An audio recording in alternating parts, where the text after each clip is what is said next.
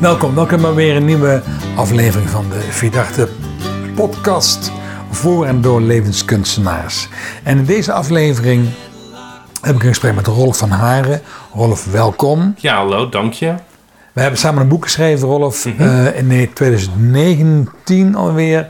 Ja. Expert tips voor een betekenisvolle organisatie. Mhm. Hoe ga je bouwen aan een ecosysteem ehm, in, met en voor je organisatie? En ik Yes. vind het leuk om eerst even jou te vragen om jezelf voor te stellen.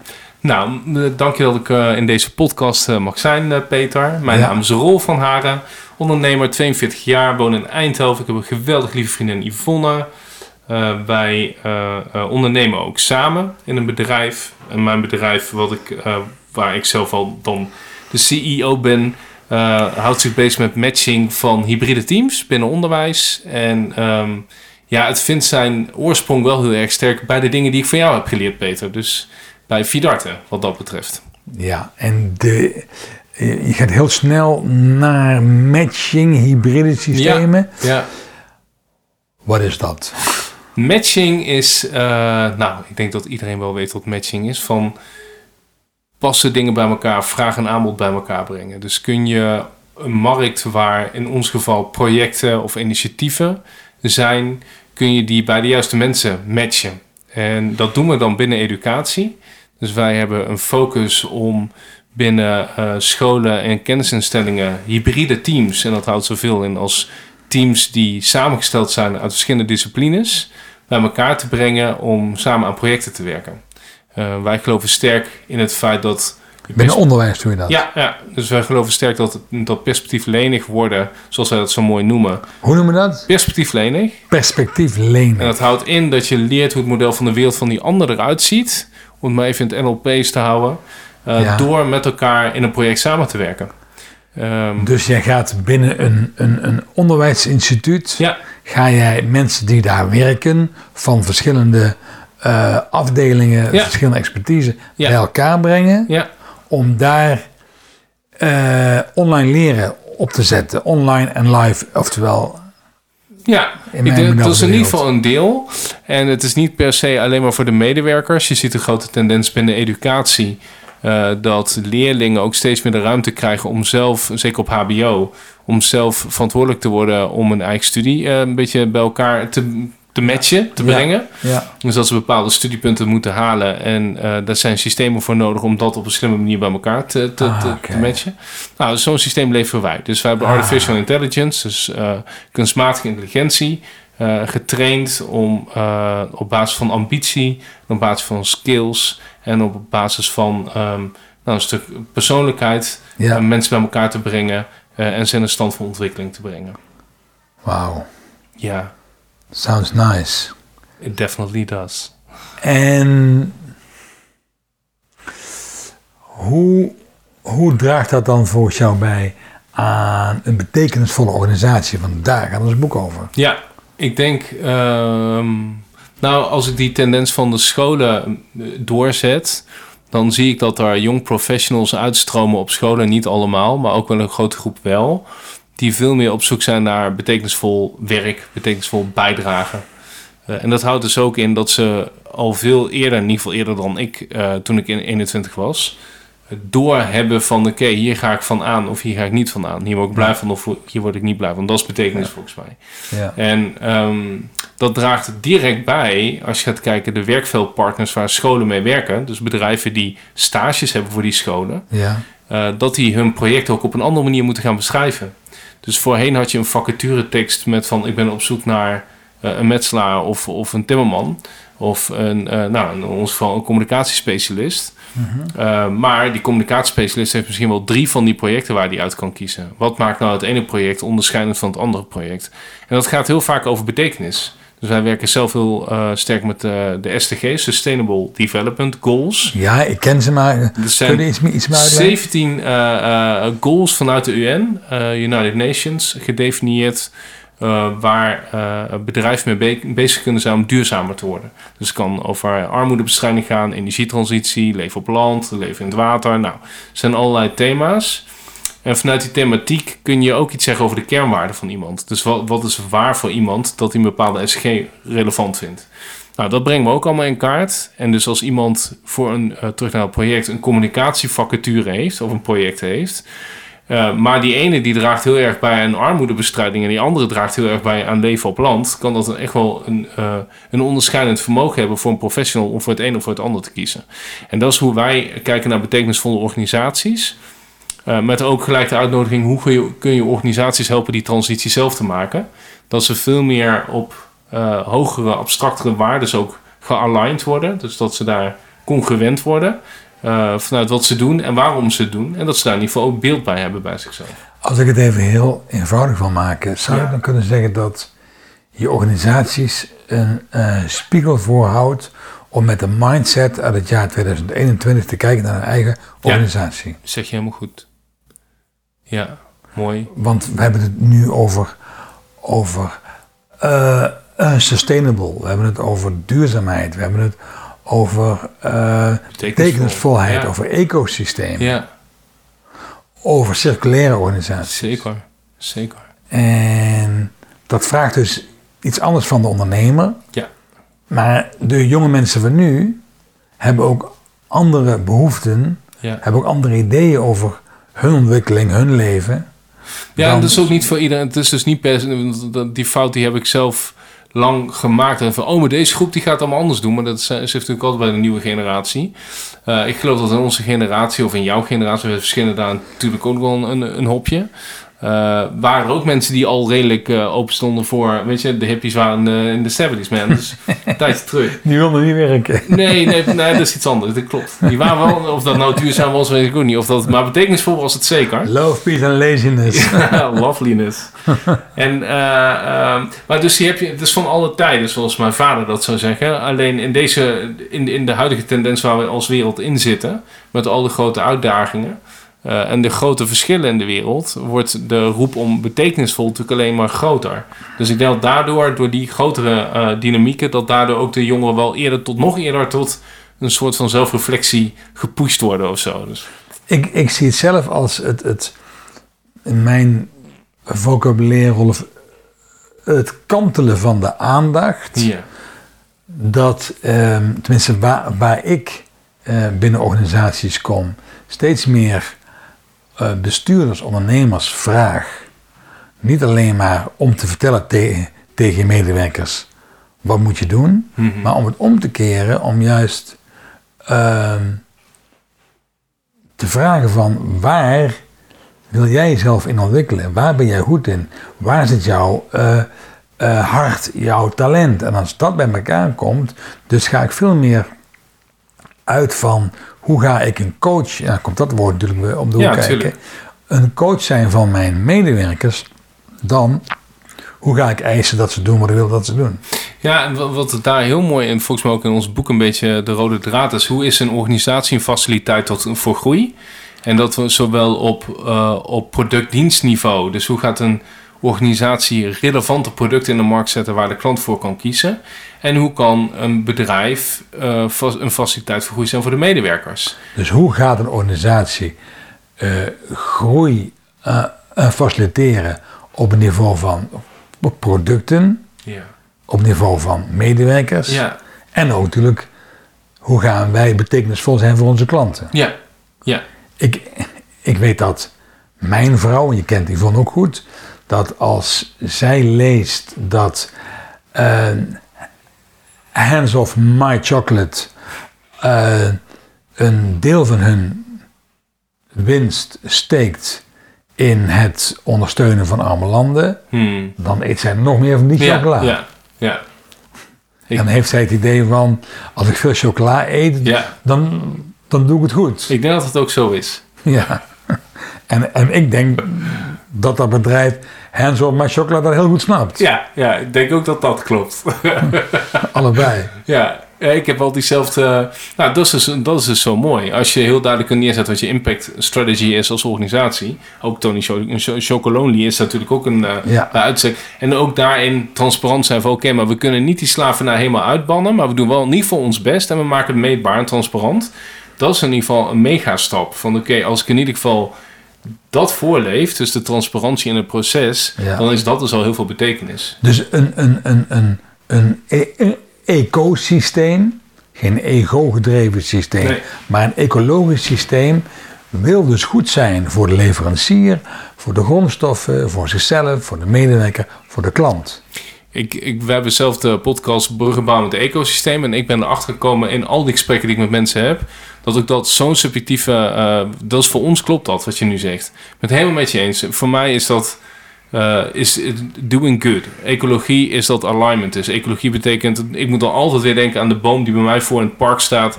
Als er een blaadje op de grond valt, dat het blaadje wordt geabsorbeerd door de grond. En dat het weer voedingsstoffen worden voor de grond. En dat daardoor weer iets kan, kan ontspruiten. Dat is een circulair verhaal. Voor mij is dat eh, de essentie van ecologie. Dat het, dat het een zelfsustaining eh, eh, systeem is.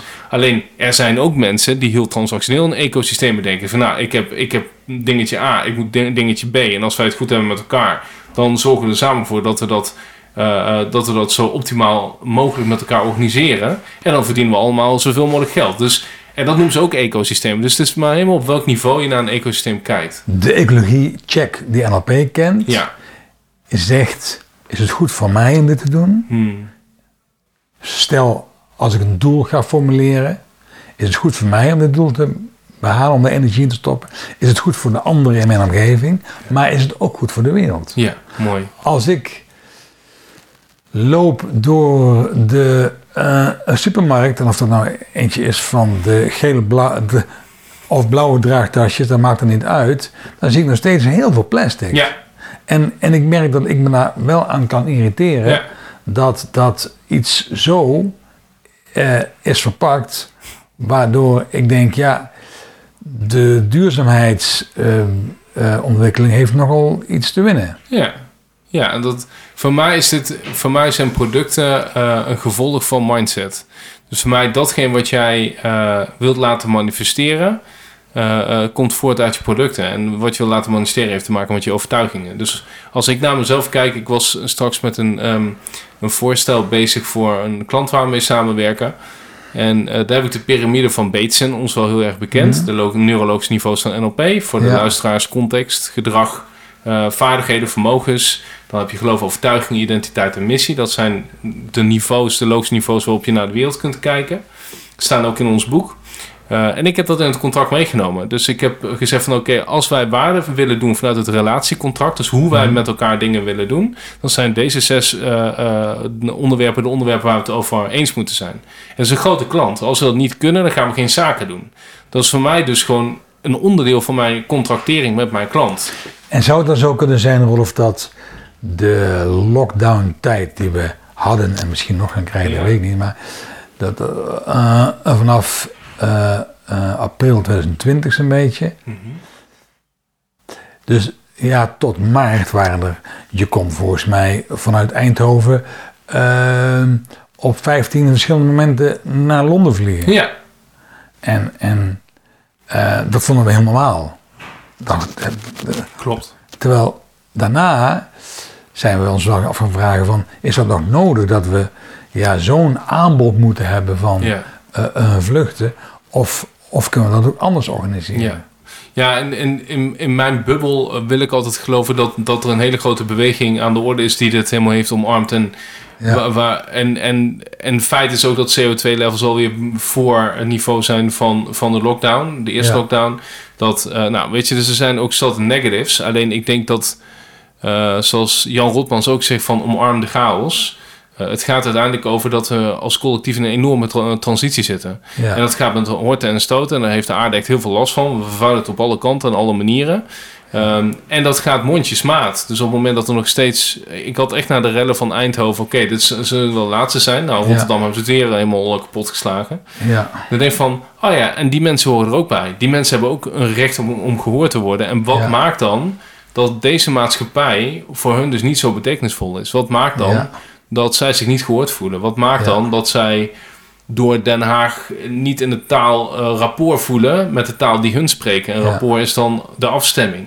Dus ik denk van, en dat is er ook allemaal. Dus ja, ik, ik begeef mij vaak met SDG, mensen, Sustainable Development Goal mensen. Dat gaat heel snel allemaal. ja, dus dat ga, je nog uitleggen. ik, kan je wel, ik, ik kan je wel volgen, maar het gaat snel. Oké. Het ding is dat ehm, de, de valkuil van, ehm, van betekenisvol zit, zit, denk ik, zit je in je eigen bubbel of niet. En als, je, als wij denken, oké, er zijn minder vliegtuigen naar, naar Londen, dan is de vraag of dat wel echt zo is. En, de, dus, en ik denk wel dat er heel veel hoop is dat het die kant op gaat.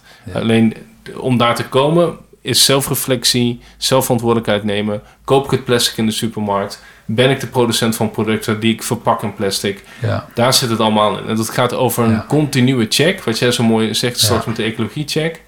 In alles wat je doet, in alles wat je denkt, in elke beweging die je maakt. Wat ik nu doe, draagt het nou bij? Ben ik dan onderdeel van de oplossing of een onderdeel van het probleem? En, en het grote punt daarbij is denk ik ook dat als de leiders in de wereld niet, niet te slagen om binnen één week een deal te sluiten in Ierland, Ja, waarom blijf ik dan wel heel braaf bijdragen? ja, Terwijl als ik het op een andere manier koop, dan is het niet duurzaam, ja. maar dan, dan is het wel goedkoper. Dus dat, dat vraagt voor leiders ook wel een soort eh voorbeeldpositie. en ik denk, denk, denk dat onze overheid daar niet in uitblinkt. In, in, eh, als ik heel zachtjes zeg, voorzichtig zeg, in die voorbeeldfunctie. Ja, ik denk dat, dat ze daar. eh, ehm, ik vind het heel interessant. Jack van, Gelder, Jack van Gelder schiep nou in één keer op in mijn hoofd. En Jack eh, van Gelder had een filmpje van... we moeten een zakenkabinet hebben... want die zorgen in ieder geval dat dingen... Hè, we, we hebben gewoon ziekenhuizen die leeg staan... en hoe kan het in godsnaam zijn dat we een IC-bedden tekort hebben. Maar ehm, ja, wat, wat ik zie zijn grote tendensen ook in de politiek. Van hoe kan het zijn dat er dus een demissionair kabinet zit. En dat we blijkbaar dus allemaal accepteren dat, dat dit demissionair kabinet dit soort grote keuzes mag maken. Ook met betrekking tot de coronapas en dat soort dingen. En of je daarvoor of tegen bent, dat maakt niet zo heel veel uit. Maar ze maken dus hele grote keuzes. Ja, Heel erg vanuit een bepaalde urgentie. Maar de urgentie zit natuurlijk in leefstijl. Die zit natuurlijk in hoe wij kijken naar onszelf. Hoe we Ja. ons verhouden met de wereld. Hoe we onze relatie eh, suboptimaal of juist optimaal instellen. Dus ja, eh, ze- ik denk dat het kabinet het heel erg goed bedoelt, maar het ook vanuit hun eigen model van de wereld doet. ja. En dit is een model van de wereld waar wij als collectief voor hebben gekozen. En alles waar we nu volgens mij mee te maken hebben, is de resultanten van 25 jaar lang dingen negeren. En gewoon wegstoppen. En gewoon zeggen, ja, maar het bestaat niet. We hebben het toch goed? We hebben toch een grote auto? We hebben toch een mooi huis? We hebben toch, ja, je kunt toch drie keer op vakantie? We vonden het ook allemaal wel prima. ja. En nu zitten we in een situatie van, wauw, hoe zijn we hier terechtgekomen? De zorgen zijn uitgemolken en weet ik veel. ja. Dat heeft dus te maken, in mijn beleving, mijn model van de wereld, dat je elke dag met je eigen duurzaamheidsprofiel bezig moet zijn. ja. Als ik ben getraind om goed te zijn voor mezelf, voor jou, en dat ik meer geef dan dat ik terugvraag, en dat er een soort van Ubuntu-achtige houding is. Hè? Dus als ik geef, dan komt het ook automatisch terug. Wederkerigheid, Ja. anders gezegd. Ja, zonder mezelf daarin te vergeten, want het gaat er niet over jezelf wegcijferen. Eh, maar dat is ook in ondernemerschap zo, dat, dat herken ik bij jou ook. Je geeft ook altijd meer dan dat je, nou, je bent, nou, die wederkerigheid, daar vertrouw je op dat dat er komt, ene- energetisch, systemisch. Ja, Ja, daar vinden wij elkaar wel. Dat, Ja, dat dat we, ehm, en daar kun je soms ook in bedot worden, om maar een mooi woord daarvoor voor te gebruiken. nou, dat is even een moment tot reflectie. Ja, ja, Ja, ga ik hiermee door of ga ik het Ja. anders inrichten? ja. En ben je dan ben je nog wel oprecht en eerlijk naar jezelf, Ja. als je ergens mee doorgaat. Ja, En ik denk uiteindelijk dat eh, eh, dat soort dingen aan mensen leren. Daarom focus ik me heel erg op onderwijs, omdat ik geloof dat daar de oplossing ligt. dat, dat is toekomst natuurlijk. Ja, ja en ik geloof dat daar zitten, daar zitten de, de jonge mensen nog Mhm. in een stand van ontwikkeling, waar we op, het- de, op, de, nou, op hoe ze naar de wereld kijken nog iets kunnen veranderen, voordat Ja. ze in de inhoud stappen in hun job. Of in hun, Ja. Dus nou, daar is onze Dus- focus. Ja, dus het is helder eh, voor mij dat wat jij zegt, ehm, hoe gaan we insluiten wat er is, Ja, ja, precies dat. omdat uitsluiting zo makkelijk eh, eh, eh, kan voorkomen. Ja, Dat is misschien wel de meest gemakkelijke keuze. Zo van de mensen die rellen horen er niet bij, de mensen die Ja. klagen horen er niet bij. ja, hoe gaan we veel meer in? En insluiten vraagt ook wel, wel een soort, een soort beweging dat we ergens overheen moeten stappen. Dat we Ja. ook moeten insluiten waar we eh, ja, last van hebben. Dus hoe gaan we de mensen die, die totaal anders denken dan ik denk, insluiten? Dus dat vraagt ook om, om open te staan voor andere mindset. Dus anders ontstaan er polariteiten in, Ja. in, een, in, in een bepaald veld. Ja, en, en als je dat zo zegt, Peter, dan voel ik dan denk van... Uiteindelijk is er maar één alles, weet je wel. En alles hoort bij dat ene. Dus die groepen die nu zichzelf laten zien... eh, die, de, de mensen die dus blijkbaar steden moeten vernietigen aan de binnenkant... eh, ehm, of die eh go-share scooters kapot moeten slaan in de stad in Eindhoven, weet ik veel. Die daarmee gewoon ondernemers geraken. Die zijn, dat, dat is een, een uiting van een systeem. En dat systeem, dat, dus je kunt je helemaal inzoomen op dat ene onderdeel. En zoals onze grote vriend Gregory Bateson heeft gezegd, kijk altijd naar alle elementen van het geheel. En als je dus een onderdeel wil oplossen, moet je alle elementen van het geheel willen zien. En er zijn veel meer, dus die uiting... Als je iets wil oplossen, moet je alle elementen van het geheel willen Ja, zien. ja, want anders dan heb je geen beeld. Dus je kunt er helemaal inzoomen. Dus wat, er is een filmpje van Gregory en dan zegt hij van... Ja, wij, wij krijgen op scholen en universiteiten kun je worden geëxamineerd op een vak... en dan krijg je dan een cijfer voor. Dat noemt hij quizbits. En dat is dan heel mooi, alleen het zegt helemaal niks. Want het heeft niet, geen relatie, geen verhouding tot alle andere vakken. Dus het gaat over hoe verhoudt eh, wiskunde, natuurkunde, biologie... hoe verhoudt zich dat allemaal met elkaar? En dat geeft een beeld van een bepaalde werkelijkheid. En ik denk dat het met dit soort grote thema's ook is. Hoe kan het zijn dat we zoveel mensen hebben die zwaar overgewicht hebben? Hoe kan het zijn dat mensen met suikerziekte zijn? Hoe kan het zijn dat mensen met zoveel onduurzame gedragingen rondlopen naar zichzelf toe? Dat we in een wereld leven die CO2-levels sky high letterlijk heeft. Die helemaal in onbalans is. Dat er in Jemen kinderen liggen met botten zo dik als mijn pink. En eh groei, eh, groeiachterstanden. Terwijl we hier zitten te klagen dat we een bordje lauw eten opgediend krijgen. Er zijn zulke grote verschillen. En die horen allemaal bij hetzelfde systeem. Dat kun je, je kunt het niet eens uitsluiten, al zou je het willen. Het is een onderdeel van de ene grote aardbol. En Ja. Dus waar het aan de ene kant te weinig is en aan de andere kant te veel, en je wilt dat nuanceren, dan moet je, dus, dan moet je die regulatieknop terug gaan draaien. Dan moet je dus niet meer aan de ene kant 35 gaan, aan de andere kant min 12. Nee, iedereen 20, weet je wel. En als we daar niet naartoe gaan, dus eh, met de menselijke maat, eh, dan kom je nooit op bij betekenis uit en nooit bij ecologie. Want dan kun je dat wel op een heel plaatselijk niveau pretenderen te doen. Maar uiteindelijk qua implementatie, en daar gaat ons boek ook volgens mij over. Hoe implementeer je nou een structuur die een betekenisvolle organisatie, een ecosysteem bouwt? Gaat over alle elementen der dingen. En dan uiteraard binnen de grenzen van de organisatie zelf. Ja, of het Want- ecosysteem. Ja, we hebben het over de wereld, Ja, maar eh, het, het gaat soms ook over mijn eh, restaurant, ja, mijn kapperszaak, ja. mijn kroeg. Ja, nou, ik, ik vond hem. Ik, wij werken dan voor Fontes en die hebben een hele mooie slogan, dus Fontes for Society. Eh, dat is hun payoff sinds vorig, vorig jaar. En ik had het met Ronald Philips ook over. Dat is de directeur van FAEC, van, de economie, of, van communicatie en economie van, van Fontes. En hij zei ook van ja, weet je, uiteindelijk de Brainport, dus de regio van Eindhoven Ja. en omstreken, daar zit ik zelf middenin met de Triple Helix. Ja. Ehm, daar gaat van, ja, hè, hoe neem je dan plekken als school in in zo'n ecosysteem? En ik zei ook tegen hem, ja, en er is ook een hele grote groep die gewoon helemaal niet verbonden is met die grote triple helix en al die. Dus er zijn Ja, achterstandswijken. En die horen erbij. Want dat, die, omdat die achterstandswijken er zijn, kunnen die andere mensen het heel goed hebben. Dus er zit een soort van structurele imbalans in een materialistisch of kapitalistisch eh, eh, deel in die maatschappij, waardoor die, die disonbalans er blijkbaar is chronisch. En daar moeten we met elkaar naar kijken.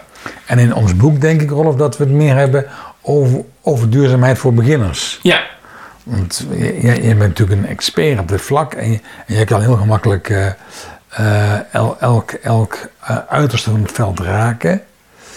Ehm, ik vind het mooi dat wij, dat wij bedrijven willen meenemen in Ja. hoe ga je meer innovatief denken. ja, Misschien is, misschien is het, het vraagstuk van innovatie wel de eerste stap ja. naar de ontwikkeling binnen je organisatie. Ja, ik denk dat innovatie, wat wij mooi hebben beschreven in het boek, is dat als je. Dat is een integrale benadering. Integrale benadering van een betekenis. Het gaat over Ja. dat het innovatieproces je kan helpen als je daarmee begint. Om vanuit eh, eh, het ontwikkelen van nieuwe waarden voor jouw klanten. op DNA-niveau van producten en diensten. gelijk betekenisvol te zijn.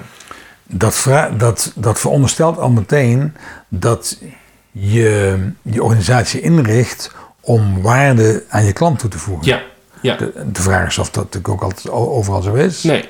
Ja. Maar, maar- Ja, nee. nee, Ja. nee. Maar, maar, maar dat, dat, dat, dat, dat is wel een beginsel. Ja. Van wat wil je voor de klant betekenen? Ja, en ga eens met je klant praten. Ja, Ga dat eens doen. Ga eens gewoon vragen. In plaats van zeggen wat hij nodig heeft, vraag eens wat hij nodig heeft. ja. ja dat, dat, dat hebben we uitgewerkt. Wat ik ook fijn vind is ehm, het hele eh, communicatieaspect daarbij. En wat mij dan enorm raakt is, hoe ga ik als ondernemer of bestuurder eh, van betekenis willen zijn voor mijn medewerkers, Hmm. voor mijn eh, teams. Hoe ga ik in gesprek, waardoor ik niet alleen maar van boven naar beneden iets opleg, iets afdwing, maar waarbij ik vooral iets ophaal Ja. en verbind. Dan, dan, dan, dan, dan is, is het woord eh, verbinding voor mij dan weer een Ja. essentieel stuk, wat we ook in het boek beschrijven. Ja, zeker. Toch? Zeker. En als je dat zo zegt, dan, eh, dan zijn, volgens mij zijn er een aantal groepen mensen in een bedrijf. Je hebt de early adopters, dat, zijn, dat beschrijven we volgens mij ook. De mensen die eigenlijk altijd wel warm lopen voor nieuwe leuke ide- ideeën.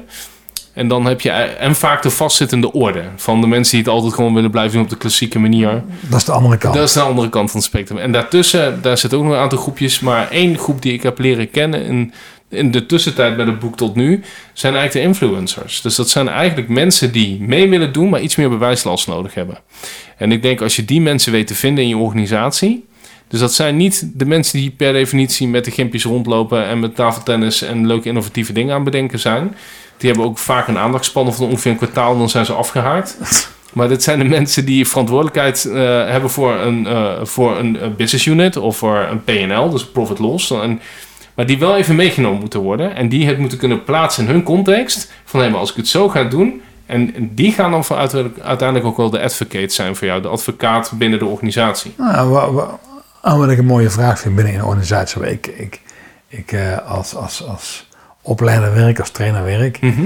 is dat de, de, de, de eigenaar van een bedrijf vraagt aan zijn medewerkers: wat kan ik doen Mooi. om jou in een proces van ontwikkeling te Ja, houden, nice. waardoor ik jou aan mijn bedrijf blijf binden. Dus hoe gaat de groei van mijn organisatie een effect, een gevolg zijn van jouw groei als medewerker? Mooi. Ja, en voor mij is dat eh, de regenboog qua, qua, qua innovatie. Ja, Dat vind ik schitterend. helemaal eens. Helemaal eens. Nou ja, eh, als je kijkt dat in, in, in, in, een, in een aantal beroepen, wij, wij hebben het geluk dat we binnen Verdachte mogen trainen voor de wereld van politie. De meest nieuwe mensen die daar, daar, daar net eh, in de organisatie komen, doen vaak het meest ja, spannende werk, omdat Ja. die op straat lopen. Ja, En ehm, het oude leiderschap is leiderschap van ik vertel je wat je moet doen. ja, En het nieuwe leiderschap, en dat- ik vind het mooi dat in, in deze organisatie, ik vind het een organisatie die steeds moderner wordt, politie, gaat afvragen van hoe gaan wij in gesprek met medewerkers, hoe gaan wij ehm, eh, verbinden, hoe gaan we eh, eh, contact eh, zoeken en houden en hoe gaan we elkaar inspireren en motiveren. En volgens mij raak je echt precies de, de kern van die inbalans ook waar ik het over had. Dus op het moment dat je niet meer vanuit ik zeg wat jij gaat doen handelt, dus ik zet jou lager dan mij, want dat Ja. is feitelijk wat je doet, Dat is ranking. dan creëer je dus ranking en dan creëer je dus Ja. onbalans. En daar hangt alles mee samen. Dan word, dan word je sociaal, je kapitalistisch, je materialistisch, dat hoort er allemaal bij. Dat komt er allemaal na. Maar de, de, precies wat je zegt, dus op het moment dat ik een, eh, een duurzame, een betekenisvolle relatie met jou aanga, omdat ik jou betrek in een proces en dat ik jou ook serieus neem in jouw mensproces, Ja, dan voel ik mij dus gehoord. En dan heb ik ook geen behoefte om in Rotterdam rennen te gaan trappen. nee. Of om Eindhoven kort en klein te staan. Dus ehm, kijk, ik vind ook dat. ehm, ik ben nog een van de Nederlanders die geabonneerd is op een krant. Nice. Een krant is een ding dat s'nachts wordt gedrukt op papier en dat dan de volgende ochtend ligt in, in de deurmat. En elke, elke, elke, elke maand vraag ik me af, ja, moet ik het ding nou houden of niet? Maar ja, hij is er nog steeds. En vandaag stond er in de krant, ehm, hoe gaan wij het geweld tegen de hulpdiensten aanpakken? En toen dacht ik, ik dus ik, ik, ik nam hem op en ik zei meteen altijd op twee lagen. Hmm. En één laag is ehm, heel duidelijk, eh, heel duidelijk straffen, vind ik, stoppen, dit kan niet. Mhm. Eh, voor je daden opdraaien, maar ook op een andere laag uitnodigen om weer te verbinden, uitnodigen om weer mee te doen, uitnodigen om niet alleen maar hen onze kant op te duwen, maar dat wij ook hun kant op willen gaan om, om ons veld te verbreden. Hoe gaan wij interessant zijn voor, voor mensen die nu eh, zich uitgesloten voelen? Ja. En hen. Ja. ja, ik denk dat er zit inderdaad een urgentie in. Zo, zo hou op, eh, stop, hou op. Ga niet verder dan dit. Ja, En van de andere kant zit er iets chronisch in. En dat gaat, eh, NLP heeft volgens mij een van de ho- hoofdvragen is van wat is waar dat je doet wat je doet. ja, Eh, en ik denk dat dat de verbindende vraag zou moeten zijn. En ik moet ook aan een serie denken op Netflix, Nieuw Amsterdam. En dan in, in aflevering 1, mijn Yvonne en ik zijn daar redelijk fan van geweest van die serie. In aflevering 1 eh, gooit die man het hele ziekenhuis op zijn kop. En de nieuwe directeur, en die vraagt dan, ik was gelijk fan van hem. eh, de eens vraag die we hier moeten stellen van wat kan ik doen voor jou? Ja, En ik denk als we die uit, uitgestoken hand, dus wat moet waar zijn? Eh, ik heb gisteren een heel betoog gelezen van een politieagent die in Rotterdam was en die zich super Ja. bedreigd voelde op LinkedIn. Eh daar gaan me echt mijn haren omhoog zijn. Maar wat moet waar zijn voor die ander die hem bedreigt? Zo steekt hij bijna een hond van de ME ook nog aanvalt. Dan, moet- dan, dan moet er dus echt iets waar zijn. Dan, dan moet je zo'n diepe overtuiging van iets hebben. En daar moeten we met elkaar achter zien te komen. Dat kan alleen maar in dialoog. En het kan alleen maar door eens gewoon een dag met die mensen in hun leven mee te lopen. En bewust te worden van, en dat is echt design thinking. ehm, hoe kunnen we nou proposities, diensten eh, ontwikkelen dat die mensen geholpen worden? Ja. En dat heeft met educatie te maken. ja, Dat heeft in Afrika met overgeboorte te maken. Dat meisjes geëduceerd moeten worden, opgeleid moeten worden. Dat ze een beter leven met minder kinderen kunnen hebben. Dat voor de overbevolking en in Europa houdt dat in dat groepen betrokken worden. En dat ze leren om mee te doen. En dat houdt in dat ze zelfreflectie leren. En dat ze weten wie ze zijn in de context van waar ze leven. En dat er ook groepen zijn die niet neerbuigend moeten doen. ja, En daarin ook zichzelf aan te kijken. Want dat Ja. is die inbalans. En dat zorgt voor alle andere ellende. ja. Eh, en ja, weet je, dus als het dan toch over betekenis en ecologie gaat, gaat het over het nuanceerd reguleren van al die groepen. In, in het eh, systemisch werk zeggen we, nou, ik noem, noem dan maar even we, eh, daar waar een groep uitgesloten wordt, heb je Ja. kans dat ze gebruik maken van destructief recht. Nou, hotsa. That's it. Ja. En daar waar, waar wellicht het destructieve eh, recht niet meer tot het geleide doel leidt, kan ik me zo voorstellen dat het naar binnen slaat op je fysiek.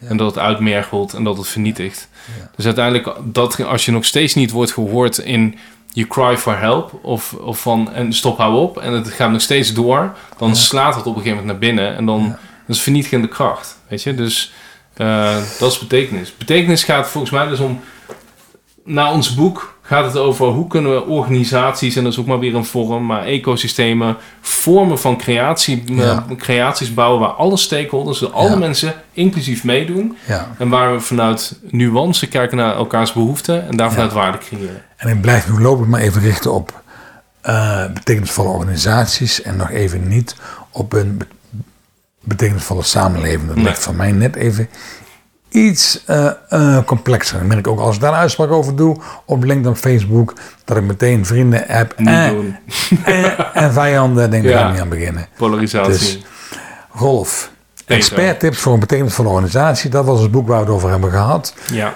Eh, over duurzaamheid, over ecosystemen, over ranking, over insluiten, over verbinden, over betekenisvol zijn. 30 minuten. Dat zijn mooie woorden. Eh, is er nog iets waar je mee wil afsluiten? Een, een one-liner om deze aflevering naar een goed einde Ja. te brengen? Koop het boek. En misschien eh, als ik, als ik jou zo hoor dat we, ja, dat we maar, eens moeten denken aan een tweede boek. Boek. Dan. Maar dat zien we dan wel weer. Ja. Ja, er is, zat, er is zat te verdiepen en, en eh, te verkennen ook. Het boek is een, is een mooie verkenningstocht die je vastlegt. En ik denk dat die verkenningstocht zou ik nog eens een keer met jou willen doen op een van de onderwerpen. Want daar liggen zat kansen. Dus Dus mensen blijf innoveren, blijf groeien, blijf ontwikkelen, blijf verbinden, blijf duurzaam, blijf insluiten. En weet wat je waarden zijn. Top. Is hem dat, Rolf? Zeker. Dankjewel, Rolf van Haren. Dankjewel. En luisteraars, fijn dat je er weer bij was. Dit was weer een aflevering van de Vierdachte eh, podcast voor de levenskunstenaars. En tot de volgende keer.